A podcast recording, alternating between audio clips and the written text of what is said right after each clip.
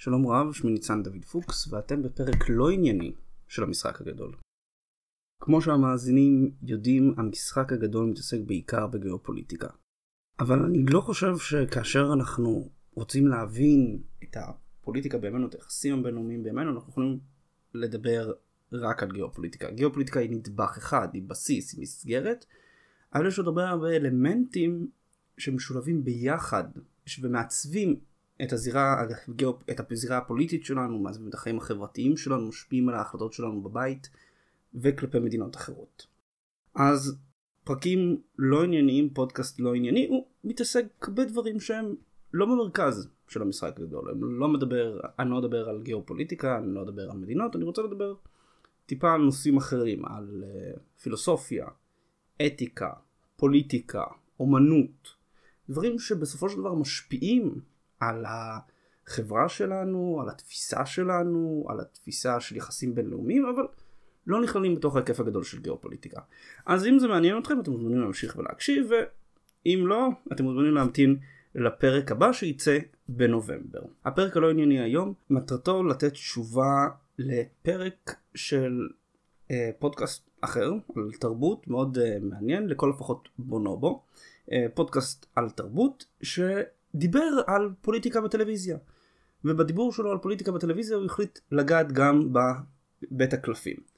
עכשיו אני כמעריץ גדול של בית הקלפים, כמישהו שעוקב מאוד מקרוב אחרי הסדרה, טיפה נפגעתי ממה שהיה שם בפרק, כי דיברו על הדמויות בבית הקלפים כמגעילות, כעוטפות כוח, כמקיאווליסטיות. ואני חושב שלהסתכל על בית הקלפים כאיזושהי סדרה שהיא אמ, פרודיה כוחנית על הפוליטיקה, היא הסתכלות שמפספסת המון המון מהעומק שיש בבית הקלפים, ומהעובדה שאם נרצה ואם לא, ככה נראית החברה המודרנית שלנו. ככה נראית הפוליטיקה שלנו. לא ברמה הקיצונית של רצח שקורית בבית הקלפים, אבל כן ברמה הפילוסופית הגותית של בית הקלפים. אז בדקות הקרובות אני רוצה לדבר איתכם על בית הקלפים ולהסתכל ביחד איתכם על מה הבסיס האתי פילוסופי של הסדרה הזאתי ולמה הוא כל כך רלוונטי לחברה שלנו היום. בואו רק ניישר קו למי שעדיין לא יצא לו לראות סדרת בית הקלפים. בית הקלפים עוקבת אחרי הזוג אנדרווד, אנדרווד, קלר ופרנק. הוא מצליף אה, של המפלגה הדמוקרטית בקונגרס, היא באותו זמן אה, פעילה בארגון ללא רווח אה, לקידום אה, השקעה בתשתיות מים אני חושב, אה, לא, לא כל כך אה, ברור, והם שניהם מנסים לטפס אה, בהיררכיה הפוליטית של וושינגטון של ארה"ב. פרנק מובטח לו תפקיד שר החוץ, הנשיא בסוף מבטל את זה, הנשיא הנבחר שפרנק עזר לו להיבחר, ופרנק מתחיל, החליט בתגובה לגנוב את הנשיאות. אז העונות, העונה הראשונה עוסקת באיך הוא מגיע לסגן הנשיא, אחר כך בנשיא, ומתקדם ככן הלאה. סדרה מרתקת, סדרה מדהימה, לא נדבר על כל הגאונות שלה בהלחנה מוזיקלית, בחירת זוויות צילום, שבירת הקיר הרביעי, באמת, תענוג של סדרה, קחו לעצמכם, תעשו לעצמכם טובה, קחו אה, שעה, שעתיים, תצפו בפרק. תתחילו לצפות, אני מבטיח לכם תתמכרו ותהנו.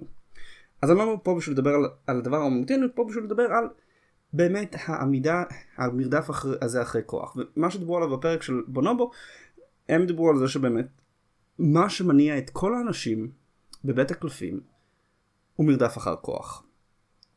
וזה נכון, אבל השאלה היותר מעניינת זה למה זה נכון. כי אנחנו יכולים לבוא ולפתור את זה כבתור אה, איזשהו פרודיה, כן? איזושהי סאטירה על הרצון לעוצמה. אבל פה כבר נתתי, שלבתי מונח אה, חשוב, זה לא סתם פרודיה.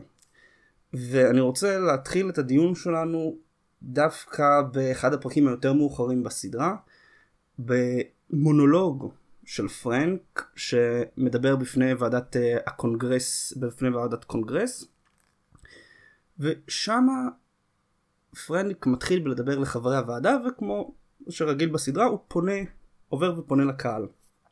הוא פונה אלינו הצופים ומספר לנו למה אנחנו צופים בבית הקלפים. כי אנחנו צופים בבית הקלפים מפני שאנחנו לא מחפשים מנהיג שיעמוד בשביל משהו, אנחנו פשוט מחפשים מנהיג שיעמוד. כי מול כל החוסר החלטיות, הטיפשות, מול כל חוסר היעילות של הדמוקרטיה המודרנית, אנחנו רוצים מנהיג חזק שיעמוד בשביל משהו, שיעשה משהו, כי אנחנו כל כך רוצים את העשייה הזאת. ואז הוא מגיב ומסיים במילים ברוכים הבאים למותו של עידן התבוני. אין יותר טוב ורע. מה זה אומר? ברוכים הבאים לסוף העידן התבוני, אין יותר טוב או רע, there is no more right and wrong, there is only being in and being out. למה פרנק מתכוון ולמה זו נקודת כל כך פתיחה כל כך טובה. טוב, כשהוא בא ואומר סוף עידן ההיגיון, הוא בא ואומר, הוא מספר לנו בעצם חבר'ה, הפילוסופיה. או יותר נכון, הגישה של הנאורות, אוקיי, גישה אה, פילוסופית, מוסרית, פוליטית, שהתחילה במאה ה-17 ואמרה שבזכות ההיגיון, בזכות אה, שכלו של האדם, האדם יגיע להתפתחות מוסרית, יגיע לעליונות וקדמה, וקדמה תרבותית, הסתיים. הוא הסתיים בככה שגילינו שהתבונה היא לא באמת כלי שאיתו אנחנו יכולים לבסס מוסר, שאיתו אנחנו יכולים לבסס פוליטיקה, שאיתו אנחנו יכולים לבסס ערכים כלשהם. והמילים שהוא אומר הם לא באמת המילים המקוריות של פרנק אנדרווד, אלא מה שהוא אומר ומה שיוצא מגרונו, אלה המילים של פילוסוף גרמני שאני חושב, ועוד כמה חושבים, הוא כנראה הפילוסוף הכי גדול למחשבה המודרנית אחרי אפלטון, הוא ניטשה.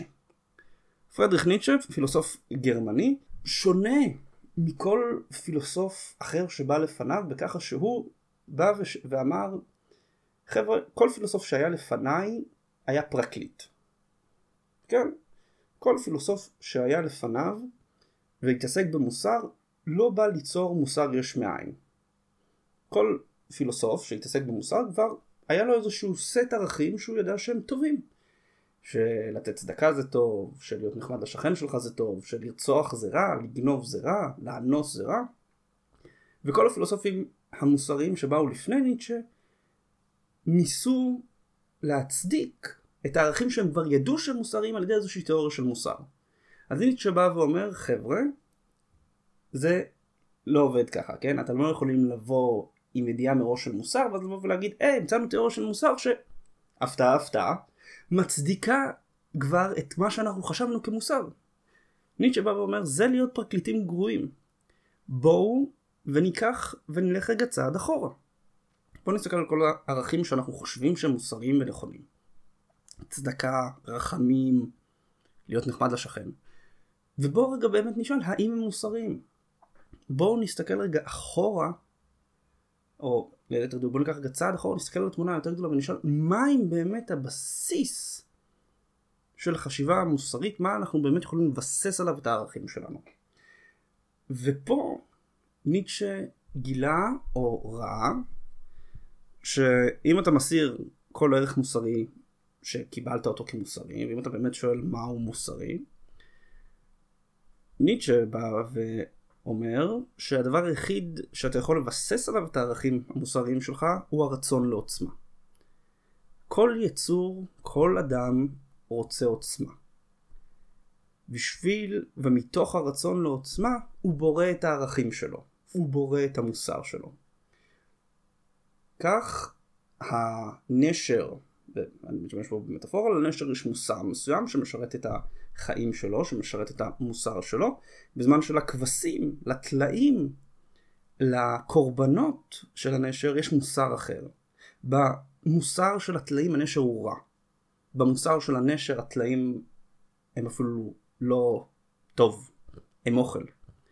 וניטשה בא ואומר חברים כל התיאוריות המוסריות שהיו ממני וקודם לכן אם זה המוסר היהודי, אם זה המוסר הנוצרי, אם זה הבודהיזם, אם זה המוסר, אם זה הצו הקטגורי של קאנט, כולם נועדו לשרת את הרצון לעוצמה. וזו שאלה מרתקת מהו לאלף עזאזל הרצון לעוצמה, כן, מהי באמת העוצמה, וזה ויכוח אה, ודיון שיש בין הרבה מאוד פילוסופים ניטשנים, אבל אני רוצה רגע להתמקד בפירוש אחד של עוצמה. הפירוש הכי גנרי, הכי אה, גס של עוצמה, הוא כוח. כוח. הרצון לעוצמה הוא הרצון שיהיה לי כוח על החיים שלי, על ההחלטות שלי, שאני אוכל לממש את התאוות שלי, שאני אוכל לשלוט במה שאני רוצה, במי שאני רוצה, ולא להיות נשלט.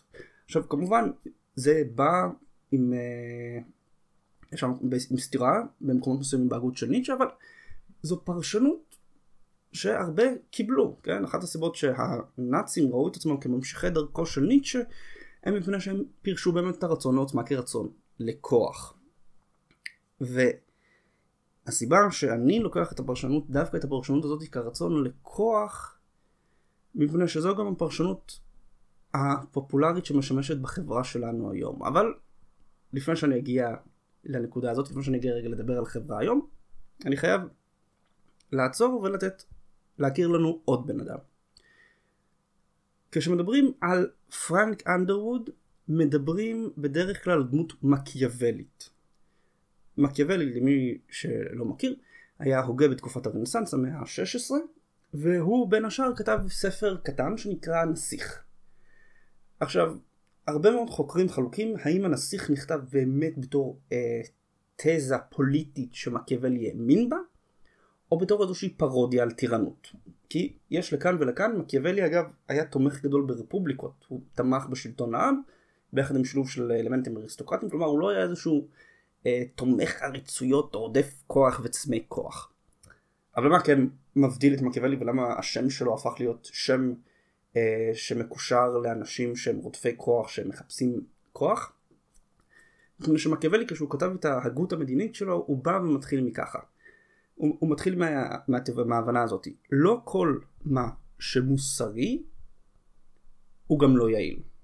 עד מקיאוולי כל מה שכתב על אה, פוליטיקה כתב על המוסרי, על הנכון, על הצודק, על הראוי.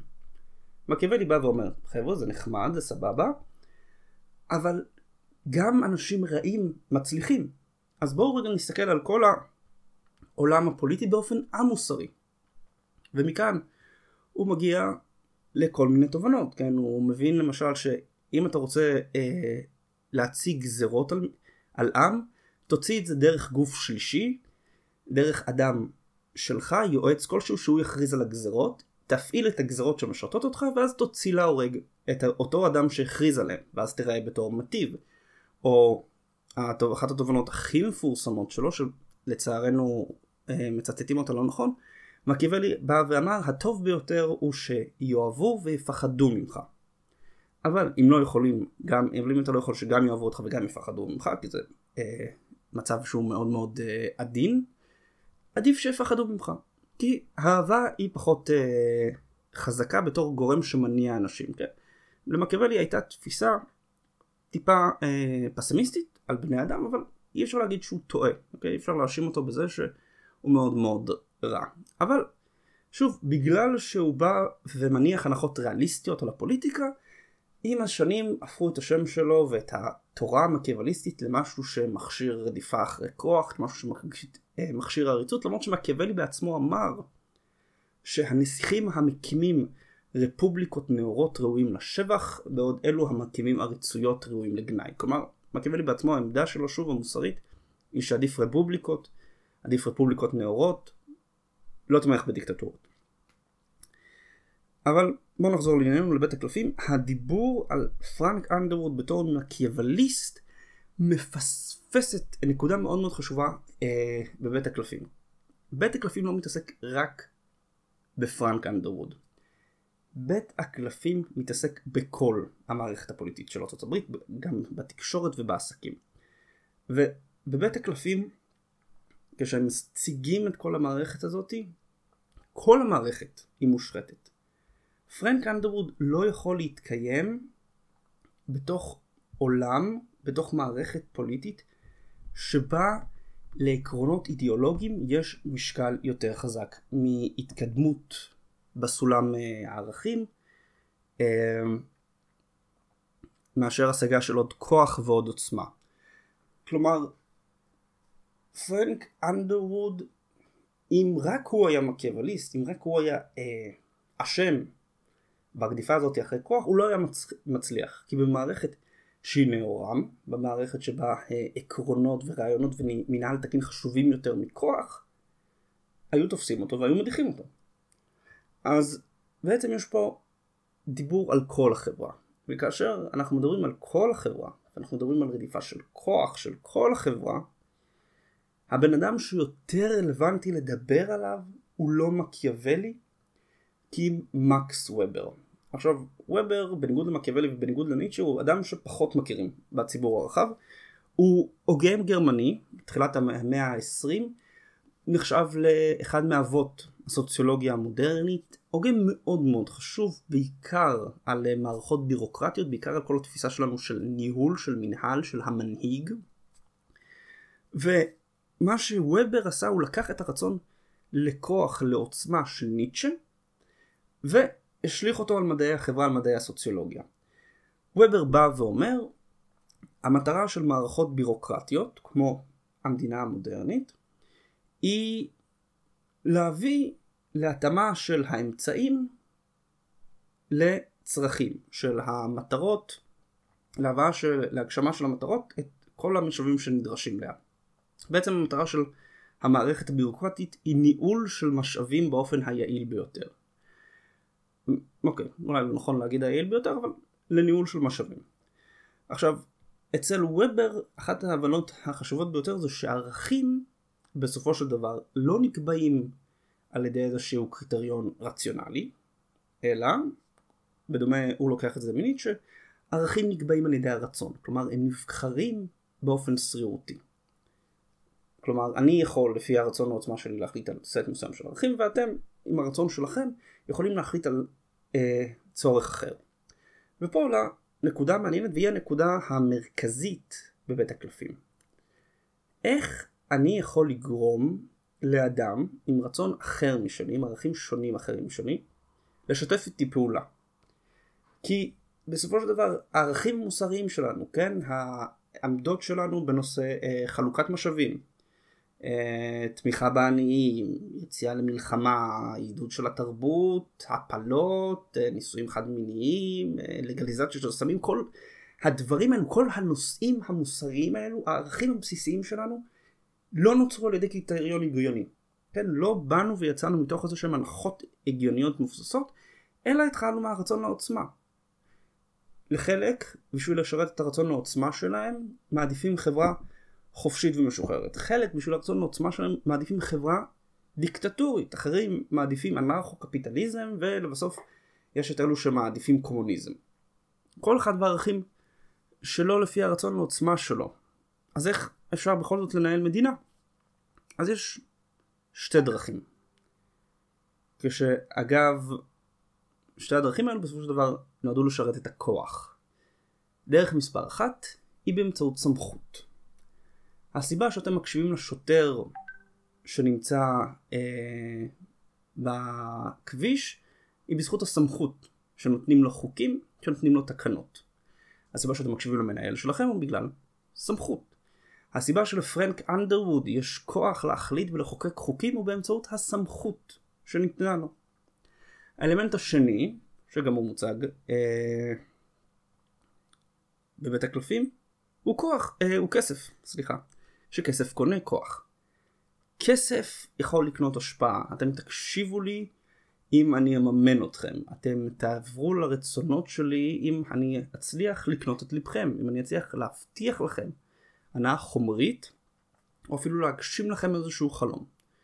אז זה בעצם שני אלמנטים או שתי דרכים במדינה המודרנית בשביל לשלוט באנשים. שבאמת הדגש פה הוא על לשלוט.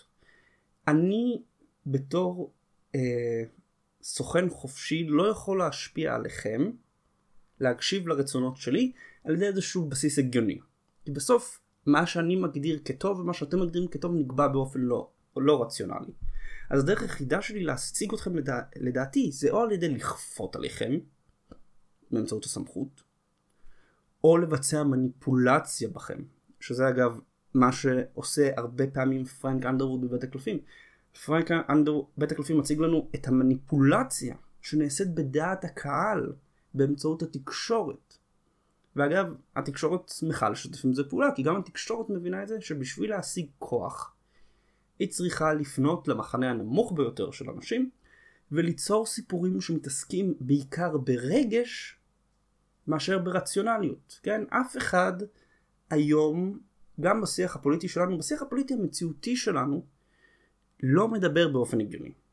אוקיי? אנחנו מדברים על אה, נאור ולא נאור, וצודק ולא צודק, ועל זה שזה מכעיס אותנו, ואין פרזיטים, ואלו טפילים, וזה מנסים לגנוב, וזה רוצח, וצריך לכלוא את כולם, ודה דה דה דה דה. ואתם שמים לב שאיך שאני מדבר על זה, הטון שלי עולה, מפני שזה הטון של הדיון הפוליטי שיש לנו בימינו. אנחנו מתעסקים ברגשות.